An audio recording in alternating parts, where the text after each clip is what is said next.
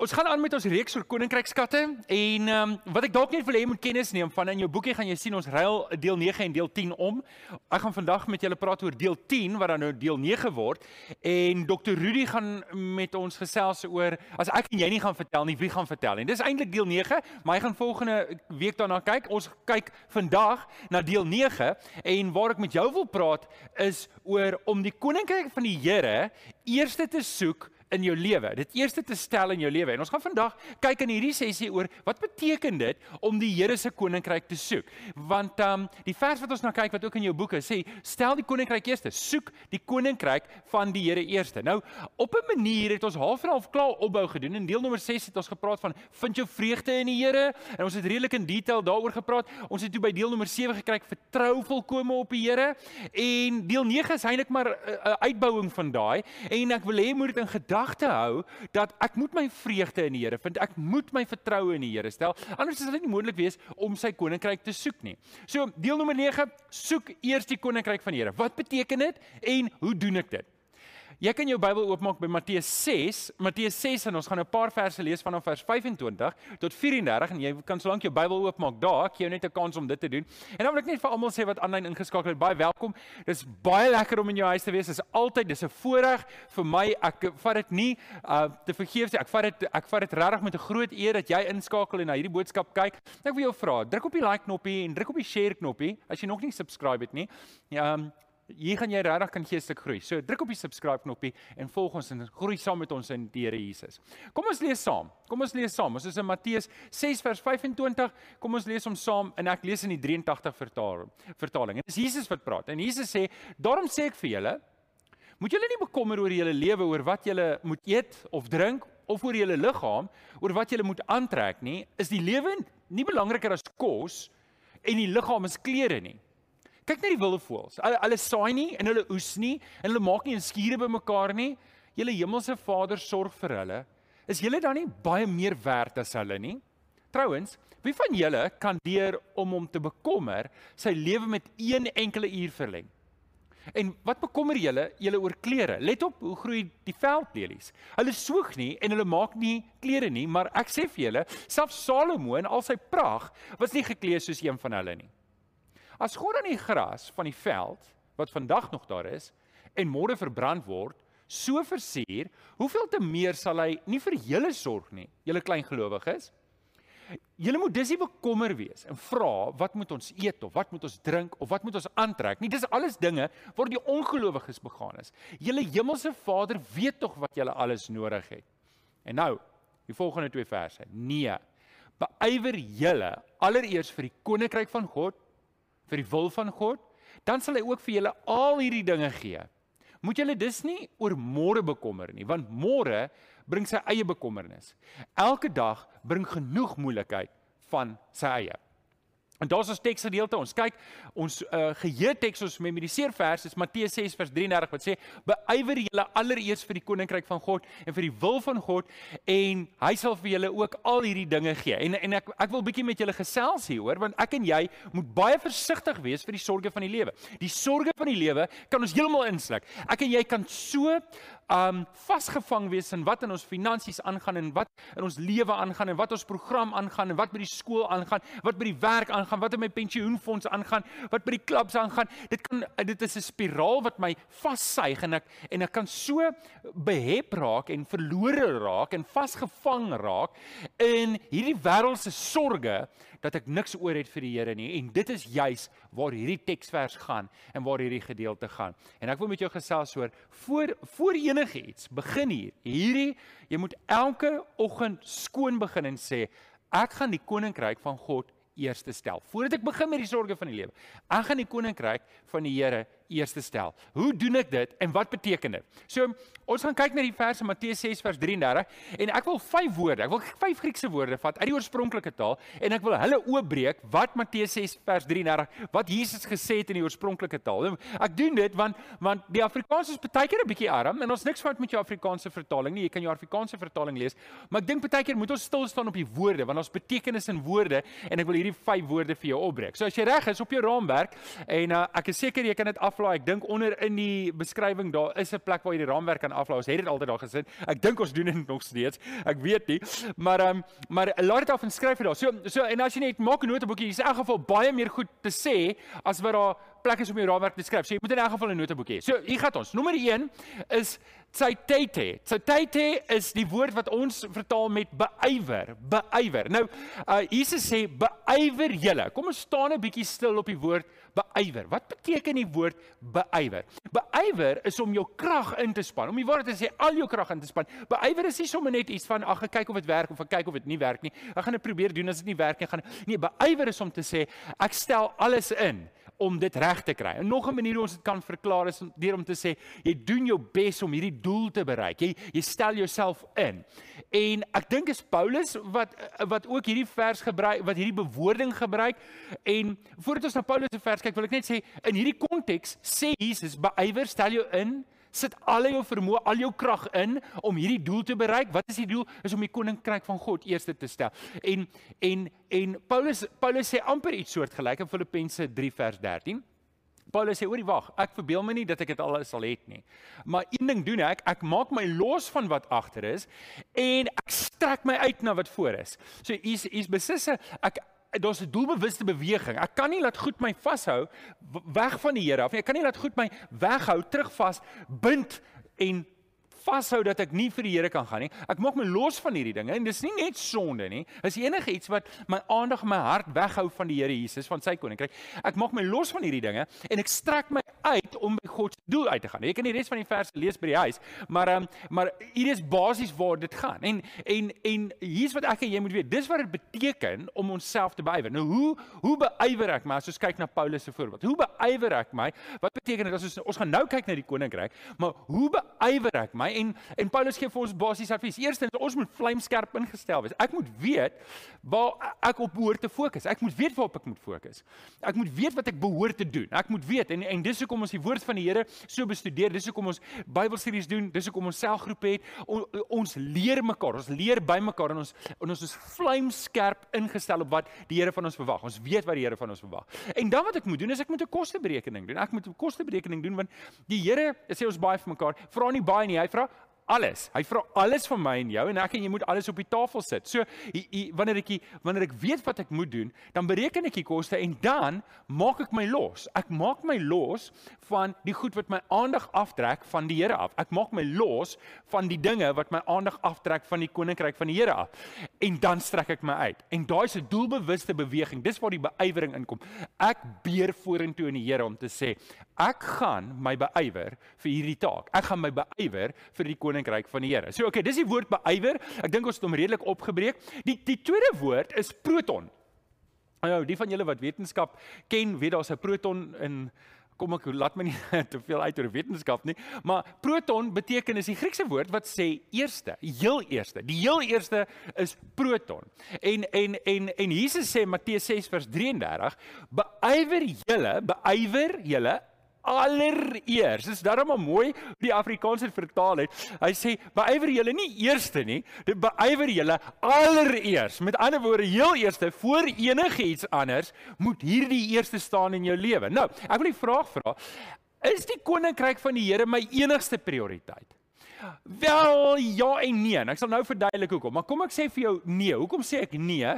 Um en dit gaan ek nou verduidelik dis dalk nie my enigste prioriteit nie, maar dis my grootste en my eerste prioriteit. Dis my grootste en my eerste prioriteit. Want want daar is tog die Here het ons gemaak. Hy het vir ons 'n skepingsopdrag gegee. Hy het vir ons 'n skepingsroeping gegee en ons lees dit in Genesis 1 vers 28 wat sê: "Wees vrugbaar." Dis nou vir die getroude mense onder ons. Wees vrugbaar, word baie, bewoon die aarde en bewerk dit. So ek en jy het 'n opdrag om te bewoon en te bewerk. Dis ons opdrag. Ek en jy moet hierdie aarde bewoon en bewerk. Hierdie is 'n prioriteit wat ek en jy het. Um en en en as ons dit verstaan, dan weet ek, almal van ons bly tog iewers in 'n huis en dalk het jy die huis gekoop, jy's in 'n bevoordeelde posisie. As jou huis afbetaal is, is dit wonderlik vir jou. Maar die res van ons, of jy het 'n huurkontrak of jy betaal 'n verband af en elke maand moet jy daai paaiement betaal. Jy's verantwoordelik daarvoor en dit bring nie eer aan die Here as ek nie my verpligtinge nakom nie. So ek moet daai verband betaal. Ek moet daai huurkontrak gebeur. Um net so het um ons dalk motors wat nog betaal moet word. En elke maand moet jy daai motor betaal. Jy moet hom in stand hou want 'n stukkende kar, as ek my kar verwaarloos en hy breek, dan sou ek ook nie besig om verantwoordelik te wees oor die bronne wat die Here vir my gegee het nie. So ek moet my kar in stand hou. Ek moet hom diens en ek moet seker maak hy's reg en ek moet die paaiement betaal. Ek het 'n kontrak met die bank wat sê ek sal elke maand 'n paaiement betaal totdat die kar afbetaal is. Dis 'n verpligting wat ek het en ek moet dit doen ook voor die Here. Um ons het ander rekeninge, ons het selfone, ons het allerlei goederes wat ons moet betaal en dan ook ons kinders moet ons opvoed. Ons moet hulle skool toe stuur. Um en en seker maak hulle kry goeie opvoeding. En en dis verantwoordelikhede. Nou, nou hier's 'n belangrike ding wat ek en jy moet verstaan. Voordat ek voordat ek die man is vir my vrou, voordat ek die man is vir my vrou, voordat ek die pa is vir my kinders, nê? Nee, voordat ek die kind is van my ouers, voordat ek die werknemer is by my maatskappy of die werkgewer is van my besigheid, voordat ek is wat ek ook al is, wat se rolle ook al jy speel in jou lewe, voordat ek enige van daai goed is, is ek 'n kind van God. Ek is heel eerste 'n kind van God. En dis hoekom ek sê, ehm, um, het ek is dit my enigste prioriteit? Ja en nee, want ek moet die koninkryk van die Here uitleef as pa. Ek moet die koninkryk van die Here uitleef as man. Ek moet die koninkryk van die Here moet ek uitleef as werknemer. Wat ook al ek doen, dit moet eerste wees in my lewe.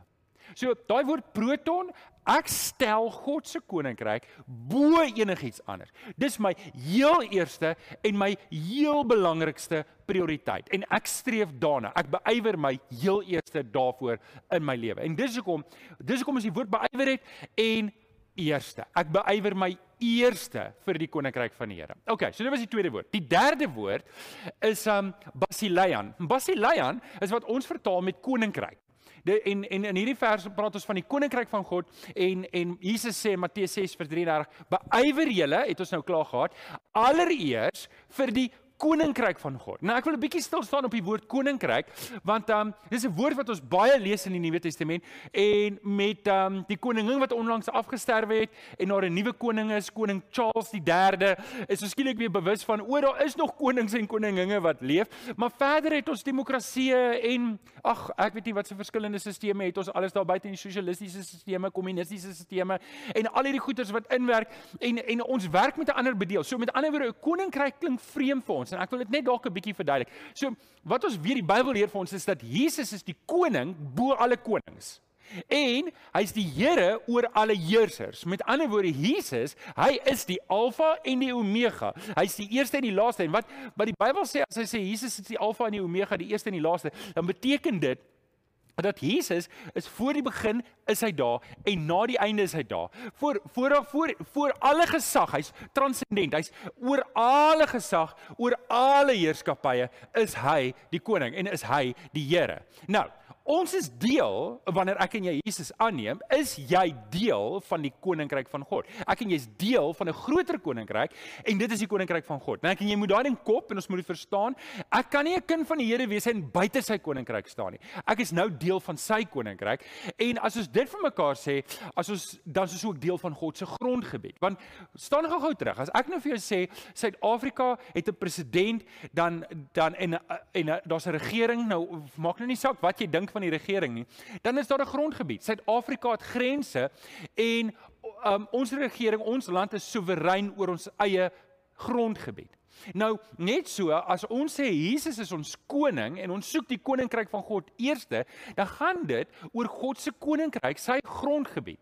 En en ons is deel daarvan. En nou wil ek dalk 'n Ou Testamentiese versie vat om 'n Nuwe Testamentiese konsep te verduidelik. Die die Here sê vir Joshua in Joshua 1 vers 3, nadat Moses gesterf het, Moses het toe nie die volk in die beloofde land ingelei nie. Dit is toe Joshua se werk en Joshua kry daai opdrag en die Here sê vir Joshua, Joshua, luister, my dienaar Moses is dood. Jy moet hierdie land nou in 'n vol in die in besit die volk in besit laat neem van die nuwe land wat ek hulle beloof het aan hulle voorvaders. En dan in vers 3 sê die Here vir hulle: Elke plek waar julle julle voetsool op sal trap, dit gee ek aan julle soos Moses gespreek het. So wat is die Here besig om te doen? Die Here is besig om vir hulle 'n grondgebied te gee. Die Here is besig om hulle grondgebied te verbreek. En en en half en half Joshua moes hierdie volk in die land in besit laat neem het en half en half wil ek dit terugtrek na die Nuwe Testament toe om te sê net soos wat Joshua die volk in en niemand kon teen hulle stand hou nie, net so het ek en jy deel van God se koninkryk en Jesus is ons leier en die Here gee vir ons 'n grondgebied en dis hierdie wêreld. En dit is nie soos die Jode in die Ou Testament 'n fisiese grondgebied nie, dit is 'n geestelike grondgebied en wanneer dit kom daarby en dis waar ons volgende week praat, gaan dit oor die evangelie verkondiging. Nou, wanneer ons dan bid, Here, laat U koninkryk kom. Dan is dit presies wat ons bid. Ons bid, Here, amper soos wat Jesus sê, bid vir die arbeiders want die oes is groot, maar die arbeiders is min. Daar is klaar groot oes, daar's klaar groot werk en ons aandag moet ingestel wees op God se koninkryk, nie op my eie koninkryk nie. En ek dink baie keer is dit die fout. Ons is so besig om ons eie koninkryk te bou. O, ek wil net seker maak ek het genoeg kos, genoeg klere, genoeg aftrede, genoeg wat ook al, wat ook al, wat ook al. En so is ek eintlik besig om my eie koninkryk te bou en nie te bou in God se koninkryk nie. En daarom leer Jesus ons bid, Here, laat U koninkryk kom. En dis hoekom Jesus die disippels leer en vir my en jou leer, soek allereers die koninkryk van God. Dis my en jou opdrag. Dis my en jou werk. Ons moet God se koninkryk soek. Ons moet saam met God werk om sy grondgebied te verbreek. Ons moet seker maak, soos ek nou gesê het, ons gaan volgende week daaroor praat. Sy koninkryk moet uitgebrei word. Elke keer wanneer ek en jy met 'n ongelowige praat, elke keer wanneer ek en jy gehoorsaam is aan God, elke keer wanneer ons op enige manier hierdie wêreld infiltreer met die kruis, met die boodskap van die Here Jesus, maak nie saak wat die geval is nie, is ons besig om stukkie vir stukkie die koninkryk van God te verbreek. Dis die koninkryk van God. Nou gaan ons aan. Die volgende woord is dikaosis. Dikaosis. Dit is die geregtigheid van God. Nou hier is interessant want ons Afrikaanse vertaling vertaal dit effens anders. In Matteus 6 vers 33 lees ons: "Beywer julle allereers vir die koninkryk van God en dan sê dit in my en jou Afrikaanse Bybel vir die wil van God. Nou ek kan nie onthou nie, ek dink ek het in die ou vertaling ook gelees. Die ou vertaling praat nie van die wil van God nie. Dit praat van ehm um, dit praat van die geregtigheid van God. Nou, dis eintlik die regte vertaling vir die vir die Griekse woord dikaosis is geregtigheid. Nou, wat is geregtigheid? Geregtigheid kan ek jou terugvat na Adam en Eva. Voordat Adam en Eva in sonde geval het, het hulle reg gestaan voor God. Hulle het reg gestaan, daar was nie sonde in hulle lewe nie. Hulle het 'n oop verhouding met die Here gehad. Hulle het geregtigheid gehad. Hulle was reg. Hulle was reg voor die Here. Maar toe gebeur die sondeval en Adam en Eva val in sonde en hierdie verhouding wat hulle het met God word toe stikkend. Nou jy kan nou indink dat hier is 'n probleem. So hulle het hulle geregtigheid verloor. En nou, die eerste Adam het ons in sonde gedompel en nou sê Romeine 5, daar's 'n tweede Adam wat gekom het. Daar's 'n tweede Adam. Die eerste Adam het ons in die sonde ingelei. Die tweede Adam en dis Jesus Christus lei ons uit die sonde uit. En hoe doen hy dit? Hy kom lewe op aarde. Hy doen alles reg. Hy gehoorsaam God ten volle en dan word hy die offer, die onskuldige offer. Hy sterf onskuldig vir jou en vir my sonde sterf hy aan die kruis. Sodat wie ook al hom aanneem, geregtigheid kan ontvang sodat ek en jy weer reg kan staan voor die Here. Nou ek en jy ontvang die geregtigheid nie op grond van iets wat ons gedoen het nie, maar op grond van dit wat Jesus gedoen het aan die kruis. So deur om in hom te glo en ons vertroue in hom te stel en te glo dat hierdie versoeningswerk wat Jesus aan die kruis gedoen het, is genoeg vir my. Dit verander my lewe. Dit stel my reg voor die Here. Maar ons moet dit nie goedkoop maak nie want geregtigheid beteken ook om reg op te tree. Onthou nou ons gesê ek soek die koninkryk van God. Ek soek die koninkryk van God. Dit beteken in my eie lewe het ek nie meer die reg om besluite te neem nie. Ek moet seker maak my besluite is in lyn met die woord van die Here. Ek moet seker maak ek soek die koninkryk nie net nie net in woord en in gebed nie, maar ek moet seker maak dat my lewe in lyn is met die woord. Ek moet seker maak dat wat dit in my lewe is, my hart, my gesindheid, my optrede, elke liewe ding moet ek seker maak is in lyn met die woord van die Here en ek moet volgens die woord van die Here my lewe leef. Dit is wat dit beteken om geregtigheid te hê. Geregtigheid is dit wat Christus vir my gee, maar dis ook 'n leefstyl wat ek handhaaf. So, dis nie 'n goedkoop manier om te bid en te sê, Here, ek wil graag, ek soek die koninkryk, maar ek gaan aan soos wat ek wil aangaan gaan nie. Ek moet reg wees voor God in leefstyl. En dis wat Jesus vir my en jou in die kruis kom doen het. Dis hoekom wanneer ons hom aanneem, verander dit ons lewe. Jesus gee vir ons wedergeboorte deur die Heilige Gees en dan maak hy my en jou God se kind. Hy bring ons onder die koninkryk. Ons was altyd, sê Paulus in Kolossense, in die duisternis onder die koninkryk en die mag van die duisternis. God het ons kom wegruk en onder die heerskappy kom sit van sy seun vir wie hy liefhet. En dis wat ons redding basies beteken. So, kom ons kom by die vyfde woord. En die vyfde woord is prosithemi. En dit beteken al die ander dinge. Nou hier is nou vir my mooi want dis 'n belofte wat in die vers opgesluit is wat sê luister Jesus sê uh, beywer julle allereers vir die koninkryk. So ons het beywer ons het allereers ons het koninkryk en ons het die wil of dan die geregtigheid en dan is daar 'n belofte. Dan sal hy die hy daar is God. Dan sal hy wanneer ek wanneer ek hom soek wanneer ek hom eerste stel in my lewe en ek soek sy wil en ek lewe sy geregtigheid uit ek lewe reg en ek maak seker ek is in die regte verhouding van God dan gebeur daar 'n ding. Julle ook al hierdie ander dinge gee Nou wat is al hierdie ander dinge? Dis hierdie dinge waarvan ons in die begin gepraat het wat my baie keer opslip. Hierdie sorges van die lewe, hierdie dinge wat my so vasmaak, hierdie dinge wat my 3 uur in die oggend laat wakker lê, gaan nou geld wees om allerlei dinge te doen om te sê, "Wag, ek gee my beste. Ek lewe vir die Here. Ek stel hom eerste." En ek leef vir hom. Natuurlik doen ek wat ek moet doen. Ek kom nie by die werk en lees die hele dag Bybel nie. Nee, ek het 'n ek het 'n ooreenkoms met my werkgewer. Ek moet my werk gee. En wanneer ek my werk gee en ek het my beste gedoen, soos Paulus vir die slawe sê, slawe doen julle werk asof julle dit vir die Here doen. Met ander woorde, ek kan werk doen en ek doen my werk asof ek dit vir die Here doen. Wat beteken dit? Ek het al baie gehoor dat mense sê, "Wel, ag man, weet jy wat? Ehm um, ons gee dit vir die kerk. Ons doen dit vir die kerk. So weet die kerk sal verstaan. Die Here sal verstaan. Maar dis nie ons as ons iets vir die Here doen, doen ons ons heel beste. Ons gee nie halfgepoetste werk vir die Here nie. Ons gee nie stikkende goed vir die kerk nie. En en ek ek het dit al gesien in die verlede dat mense sê o, dis stikkend, so ons moet dit vir die kerk gee. Nee, nee, nee, as ek iets doen vir die Here, dan gee ek my heel beste en ek gee eerste vir die Here. En en en hierdie is die belangrike ding wat ek en jy moet verstaan. Wanneer ek iets vir die Here doen, gee ek my heel beste, net so by die werk, soos Paulus vir die slawe sê. Wanneer ek vir die Here werk, dan gee ek my beste. So ek sal my beste gee by die werk. En natuurlik, dan het ek my beste gedoen. As dinge dan nie uitwerk nie, dan rus ek in die Here. So. Filippense 4:19 is nog 'n mooi vers wat Paulus ons inhak by die belofte van die Here. My God sal in elke behoefte van julle ryklik voorsien volgens sy wonderbaarlike rykdom in Christus Jesus. Hoor mooi, my God sal in elke behoefte van julle ryklik voorsien volgens sy wonderbaarlike rykdom in Christus Jesus. God sal vir jou sorg. Ek en jy moet rus. Die Here het jou nie so ver gebring net om jou hier in die steek te laat nie. Die Here gaan jou nie in die steek laat nie. Vertrou op hom.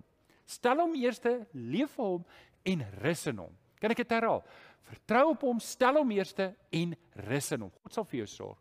Moenie die Here wil nie hê jy moet so siek wees van bekommernisse nie. Dis wat die Here vir jou wil hê nie. Hy wil nie hê jy moet 'n mighty warrior wees nie. Hy wil nie hê jy moet die hele tyd ge-worried wees oor goed wat dalk kan gebeur, dalk gebeur het of dalk nie gaan gebeur nie. Die Here wil nie dit hê nie. Hy wil hê my en jou oë moet gefokus wees op die kruis, op sy koninkryk. Hebreërs 13 vers 5 tot 7. Ek sal jou nooit verlaat nie, is die Here wat praat. Ek sal jou nooit verlaat nie en ek sal jou nooit in die steek laat nie. Is dit nie wat ons nou net vir mekaar gesê het nie? Ek sal jou nooit verlaat nie, ek sal jou nooit in die steek laat nie vers 6. Daarom kan ons met vertroue sê, die Here is my helper. Ek ken geen vrees nie. Wat kan 'n mens aan my doen? Dis 'n kreet daai. Die Here sê, luister, dis nou ons reaksie op die Here. Ek sal jou nooit verlaat nie. Dis wat die Here vandag vir jou sê. Die Here sê vandag vir jou, luister, ek sal jou nooit verlaat nie. Ek sal jou nooit in die steek laat nie. Nou is ons reaksie daarop en dis ons kreet. Wow! yeah! Daarom kan ons met vertroue sê die Here is my helper. Ek ken geen vrees nie. Wat kan 'n mens aan my doen? Is dit nie 'n wonderlike gedagte nie? Die Here gee vir ons die oorwinning. Nou. Okay.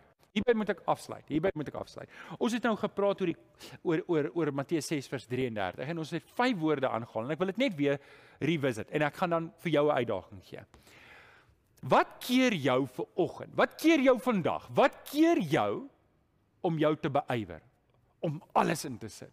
Om by die tafel te gaan sit en te sê, Here, ek sit nou alles op die tafel. Ek gaan niks terughou nie. Ek gaan my beywer. Ek gaan my vlamskerp fokus.